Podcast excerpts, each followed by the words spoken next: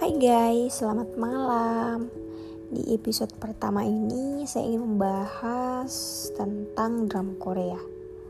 Drama Korea banyak didasarkan pada genre romantis, fakta sejarah yang menggambarkan kisah-kisah nyata dari masa lalu, komedi, fantasi, keluarga, serta drama yang menggabungkan dua atau lebih kategori.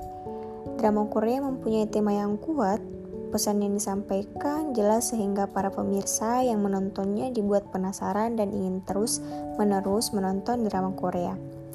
Ciri-ciri dari fashion drama Korea yaitu mini dress dan celana pendek yang mendominasi.